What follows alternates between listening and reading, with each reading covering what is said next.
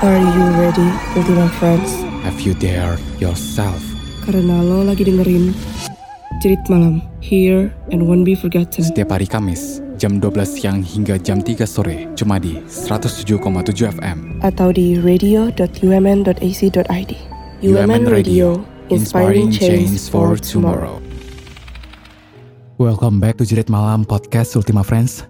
Kenalin, nama gue Billy. Dan gue Jovi, dan di podcast hari ini kita akan membahas rumah sakit paling berhantu di dunia, Waverly Hills Sanatory kalau misalnya kita bahas hal-hal yang creepy ya, apalagi kalau misalnya bahas tempat-tempat horor, pasti udah gak asing banget sih dengan rumah sakit berhantu. Jadi, kita bakal bahas tentang Sanatorium Waverly Hills yang terletak di barat daya Louisville, Kentucky di Amerika Serikat. Oh, gitu ya. Nah, mm -mm. tadi kan lu sebelumnya nyebutin sanatorium. Mm -mm. Sanatorium tuh sebenarnya apa sih? Mungkin Ultima Friends juga mungkin ada yang belum tahu nih sanatorium itu apa. Nah, mungkin Ultima Friends yang masih asing dengan kata sanatorium, gue kasih tahu ya sanatorium itu adalah fasilitas medis untuk penyakit jangka panjang yang kalau misalnya di sini itu dia tuh khusus untuk merawat pasien-pasien yang terjangkit penyakit TBC atau tuberkulosis. Nah, soalnya rumah sakit ini tuh dibuka di tahun 1910 yang di mana saat itu tuh penyakit TBC adalah sebuah penyakit yang cukup umum diderita oleh masyarakat di sana ya. Iya bener banget kan tadi kan juga lu sebutin di 1910 TBC itu kan emang penyakit yang menular. Pada saat itu memang belum ada obatnya dan teknologi belum bisa secanggih sekarang orang gitu. Benar banget. Jadi emang rumah sakitnya itu dibuka khusus untuk pasien tuberkulosis karena emang waktu itu penyakitnya sangat-sangat gampang menular dan orang yang mengidap penyakit itu banyak banget. Sampai-sampai diperkirakan sekitar 63 ribu orang yang meninggal di rumah sakit tersebut. Kematian-kematian itu juga nggak 100% pure karena TBC ya, Ultima Friends. Beberapa kematian itu disebabkan oleh malpraktek serta eksperimen-eksperimen yang mungkin ya sebagai sebuah upaya untuk mencari obatnya. Nah, ditambah lagi tuh kadang yang prosedurnya tuh yang nggak jelas. Mungkin ini tuh karena masih zaman dulu di mana peralatannya tuh belum secanggih sekarang ya Ultima Friends. Nah waduh kelihatan banget ya akhirnya udah kerasa nih kenapa bisa horor gitu ya rumah sakitnya. Dilihat dari memang banyaknya orang meninggal dan juga kematian itu bukan gara-gara TBC aja tapi juga kayak ada eksperimen terus ada prosedur yang nggak jelas hmm. yang bikin seseorang itu bisa meninggal gitu. Bener banget. Dokter-dokter di sanatorium ini tuh mereka tuh karena mungkin upaya untuk mencari obat TBC ini mereka tuh nguji obat ke para pasien. Padahal kan mungkin yang kita tahu sekarang nggak mungkin kan kalau misalnya obat belum jadi, belum dipastikan aman, nggak mungkin tuh dicoba ke pasien. Nah, tapi dokter di sanatorium ini tuh mereka justru menggunakan obat-obat tersebut ke pasien-pasien seolah-olah tuh mereka adalah seorang kelinci percobaan. Kemudian akhirnya pada tahun 1950 antibiotik ini akhirnya ya ditemukan ya Ultima Friends. Akhirnya tuh pasien-pasien di sana berhasil diobati perlahan-lahan dari TBC mulai sembuh dan akhirnya rumah sakit Beverly Hills ini ditutup pada tahun 1961 gitu. Di sini,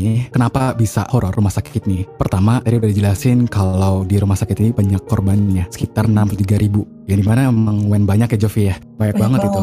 Dan yang menariknya di sini, alasan para pasien-pasien itu meninggal, itu bukan karena TBC aja. Ternyata ada hal-hal lain yang menimbulkan mereka itu kira meninggal, yaitu praktek-praktek oleh dokter-dokter yang emang gak bertanggung jawab ya, yang bikin si pasien-pasien itu sebagai kelinci cobaan untuk menemukan obat-obat itu di situ memang teknologi nggak begitu maju ya Jovi ya bener kan ya hmm. kalau nggak salah di rumah sakit itu dibangun di 1910 dan memang di sana mereka nggak punya teknologi yang memungkinkan untuk nemuin obat TBC itu dan akhirnya di situ banyak banget prosedur-prosedur yang menurut gua gak masuk akal Hmm, menurut gue pasti prosedurnya yang bikin merinding gitu sih, yang gak manusiawi gitu lah ya. Mungkin boleh tuh langsung ceritain apa aja sih?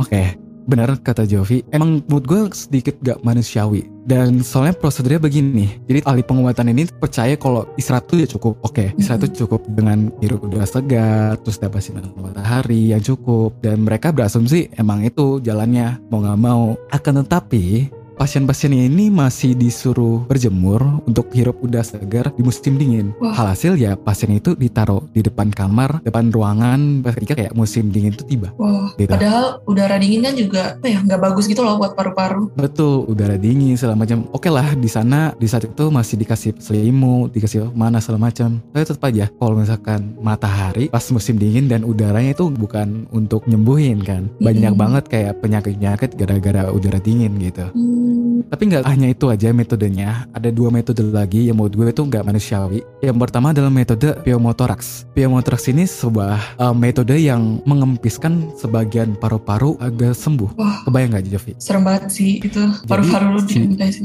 Bener. Jadi dan ini emang metode yang baik lagi yang gue sebutin sebelumnya, metode yang coba-coba oleh si dokter. Jadi mereka ngecoba untuk ngempis paru-paru si pasien agar ya tujuannya untuk sembuh gitu. Dan katanya memang sekitar 5% pasien yang hidup dari metode ini. Jadi ya 95%-nya ya mereka nggak selamat gitu. Terus tadi kan yang metode pertama dan metode kedua itu ada yang namanya torakoplasti. Jadi itu ceritanya dokter ini mengotopsi dada dan akhirnya itu memotong 2 sampai 3 rusuk dari rusuk sehingga itu kayak paru-parunya itu kayak punya ruang gerak untuk lebih luas agar gitu dipercaya agar menyembuhkan si pasiennya itu. Wah, Nah, itu sayang eksperimen banget ya. aneh. Mm-mm. Aneh lagi akhirnya harus dibedah dan akhirnya dipotong tuh rusuk. Nah, Mm-mm. sebenarnya banyak banget eksperimen-eksperimen yang kejam banget yang dikerjakan oleh si dokter-dokternya untuk nyari obat dari CBC ini. Itulah alasannya rumah sakit menjadi angker. Nah, karena itu pastinya banyak banget mungkin jiwa-jiwa yang nggak tenang kali ya. Makanya rumah sakit itu bisa jadi rumah sakit yang paling berhantu di dunia. Jadi walaupun secara keseluruhan emang rumah sakit itu serem banget, tapi ada beberapa lokasi spesifik di rumah sakit itu yang sering jadi langganan penampakan. Kita mulai dari awal banget yaitu di pintu masuk rumah sakitnya. Kayak kita baru masuk, itu tuh langsung ada aja tuh penampakan di rumah sakit ini. Nah, jadi hantu yang menjadi penunggu di pintu masuk rumah sakit ini adalah seorang wanita tua yang biasanya itu sering minta tolong gitu ke orang-orang. Gak tahu sih wanita ini tuh pasien atau pekerja, tapi kemungkinan wanita itu bisa jadi seorang pasien yang mungkin minta tolong kali ya karena banyaknya eksperimen yang menurut dia tuh menyakitkan karena ya eksperimennya nggak manusiawi tadi. Gak heran sih, soalnya kayak eksperimen-eksperimen yang dilakuin sama dokter-dokter sebelumnya juga emang serem banget dan gue yakin jiwa-jiwa, terutama wanita tua ini juga gak tenang segala macem. Dan akhirnya gue sih kayak kebayang gini sih, Jov. Dia itu kan munculnya di pintu rumah sakit depan itu. Pintu masuk. Dan dia itu juga munculnya katanya tandanya minta tolong tuh. Mm-mm, Gue mm. entah kenapa ngebayangin sebelum dia itu bisa minta tolong tuh gara-gara ini dia itu berusaha untuk kabur dari eksperimen itu. Jadi dia itu Hmm. berusaha kabur, lari dan emang dia itu lari dari eksperimen dan badan kayak penuh luka gitu. Dia itu akhirnya meninggalnya di depan pintu rumah sakit itu. Mm-mm. Kebayang Make gak sih, Jov? Ya kan, jadi akhirnya ya di situ si wanita tua ini nggak tahu ya nih pasien atau pekerja ini bergentayangan di depan pintu rumah sakit itu. Ya, Bener-bener make sense sih. Yang seremnya lagi tuh biasa kalau misalnya ada yang minta tolong kayak gitu kan ya kita samperin lah ya berusaha minta tolong. Tapi wanita ini tuh ketika disamperin tuh ya langsung hilang gitu aja gitu. Jadi wah ini menurut gue serem banget sih. Bener, ya. Gue juga kalau misalkan gue di posisi itu ketemu orang minta tolong, mungkin gue harus tahu dulu sih lihat muka wujudnya segala macam biar mastiin aja. Tapi kalau misalkan tiba-tiba gue lihat wujudnya dan hilang, waduh, bete banget sih ya. Bener Aduh. serem banget. Nah selain di pintu masuk rumah sakit, di lantai tiga ini juga ada sosok hantu yang bisa dibilang ikonik ya. Yaitu adalah seorang anak kecil yang konon namanya itu Maria. Nah si Maria ini penampakannya biasa tuh sering terlihat dia tuh main kayak bola karet gitu loh. Dan bola karet ini tuh biasa dimantul-mantulin ke angka. Lu tau kan kalau misalnya bola dimantulin kan itu kan kayak ada suara ciri khas gitu lah ya. Ah, Bener, bener, bener. Terus Kadang tuh orang tuh nggak cuman ngelihat doang, tapi kadang ada yang cuman dengar suara dari pantulan bola tersebut. Yang seremnya lagi ada kasus yang bilang kalau misalnya si Maria ini tuh minta bantu dicariin bola matanya. Wah ini serem banget sih. Wah, serem banget ya Jov. Gue sampai merinding jadinya. Nah, tapi nggak gitu aja Jov.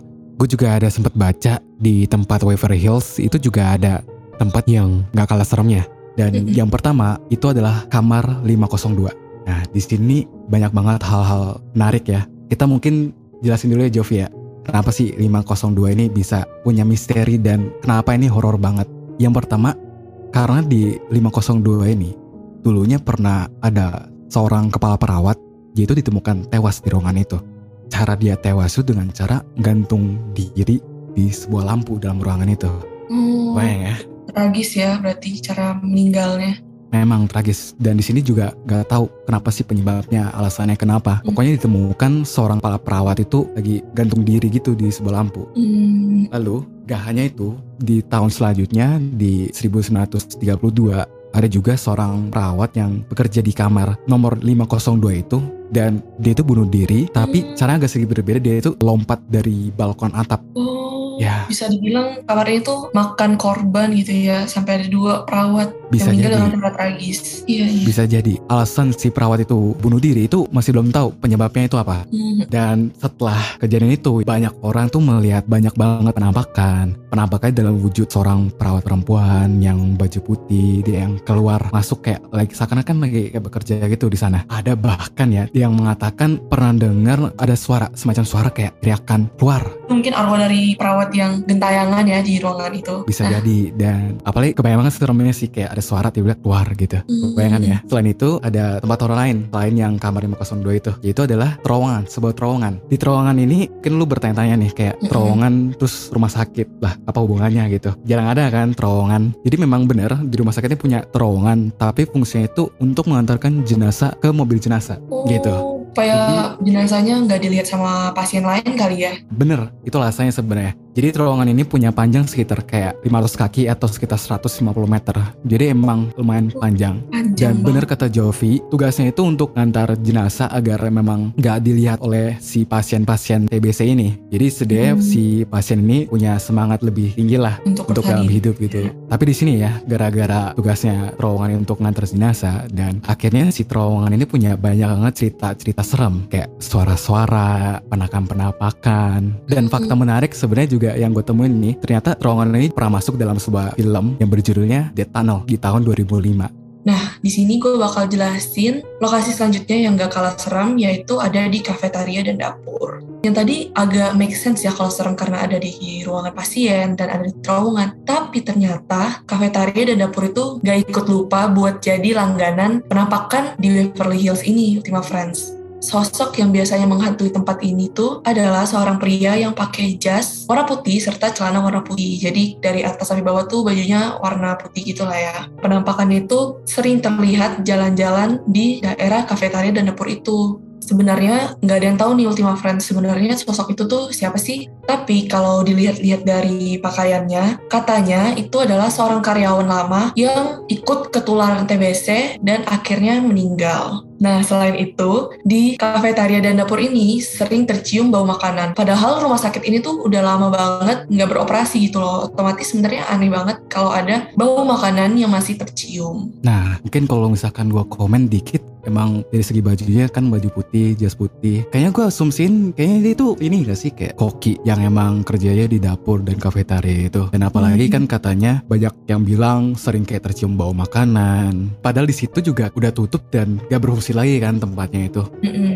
Nah, lokasi selanjutnya yang gak kalah serem itu adalah di lantai 4 Beverly Hills. Kata orang, tempat ini itu adalah tempat yang paling rame penampakannya. Karena di lantai 4 ini tuh sering terlihat hantu yang suka jalan-jalan. Gak jarang, pintu di lantai 4 ini tuh kadang suka dibanting sendiri gitu loh. Jadi gak cuma tempat-tempat horor kan kebuka, ketutup, krik-krik gitu kan. Di sini tuh kadang sampai kebanting gitu loh. Bayangin gisi seremnya gimana Ultima Friends. Iya sih kayak gue kebayang banget kayak serem banget ya. Lantai 4 kayaknya emang tempat yang paling rame ya, paling banyak, Mhm. paling beda sama yang tempat-tempat lainnya udah disebutin. Di sini sampai ada kayak banting dan Mhm. banyak kelihatan banget hantu yang lagi jalan-jalan di lorong-lorongnya. Dan di situ, aduh, jujur gak habis pikir ya kayak berapa seremnya rasanya dalam keadaan kayak gitu. Bener, rame hantunya tuh, wah serem banget sih. Salah satu kejadian aneh yaitu adalah adanya penampakan kepala terbang. Gila, ini serem banget sih. Jadi itu beneran ada gitu kepala terbang. Itu kayak Iya, ada nggak sih kayak lokasinya di mana gitu?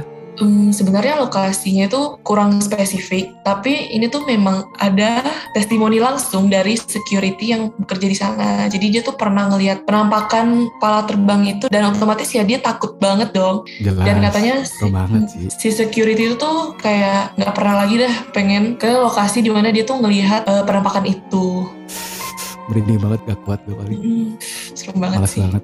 Nah, Ultima Friends, gimana pendapat Ultima Friends tentang cerita-cerita yang udah dibawain hari ini? Pastinya seru-seru banget ya Bill tadi. betul banget. Gue juga kayak enjoy banget. Sempet ada beberapa bagian yang di mana gue itu aduh merinding banget. Aduh serem banget dan gue juga harap di sini Ultima Friends juga sama yang gue rasain tadi Ultima Friends juga ikut juga rasain seremnya betapa creepy-nya betapa mencekamnya tadi cerita-cerita yang gue sama Jovi udah ceritain Bener banget. Semoga bener-bener here and won't be forgotten ya Ultima Friends. Tapi perlu diingat ya Ultima Friends, di sini kita tidak ada niatan untuk menjatuhkan suatu individu, kelompok ataupun kepercayaan di sini.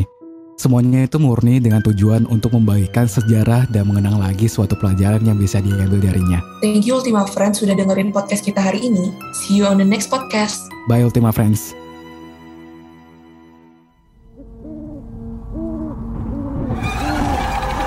Are you ready, Ultima Friends? Have you dared yourself?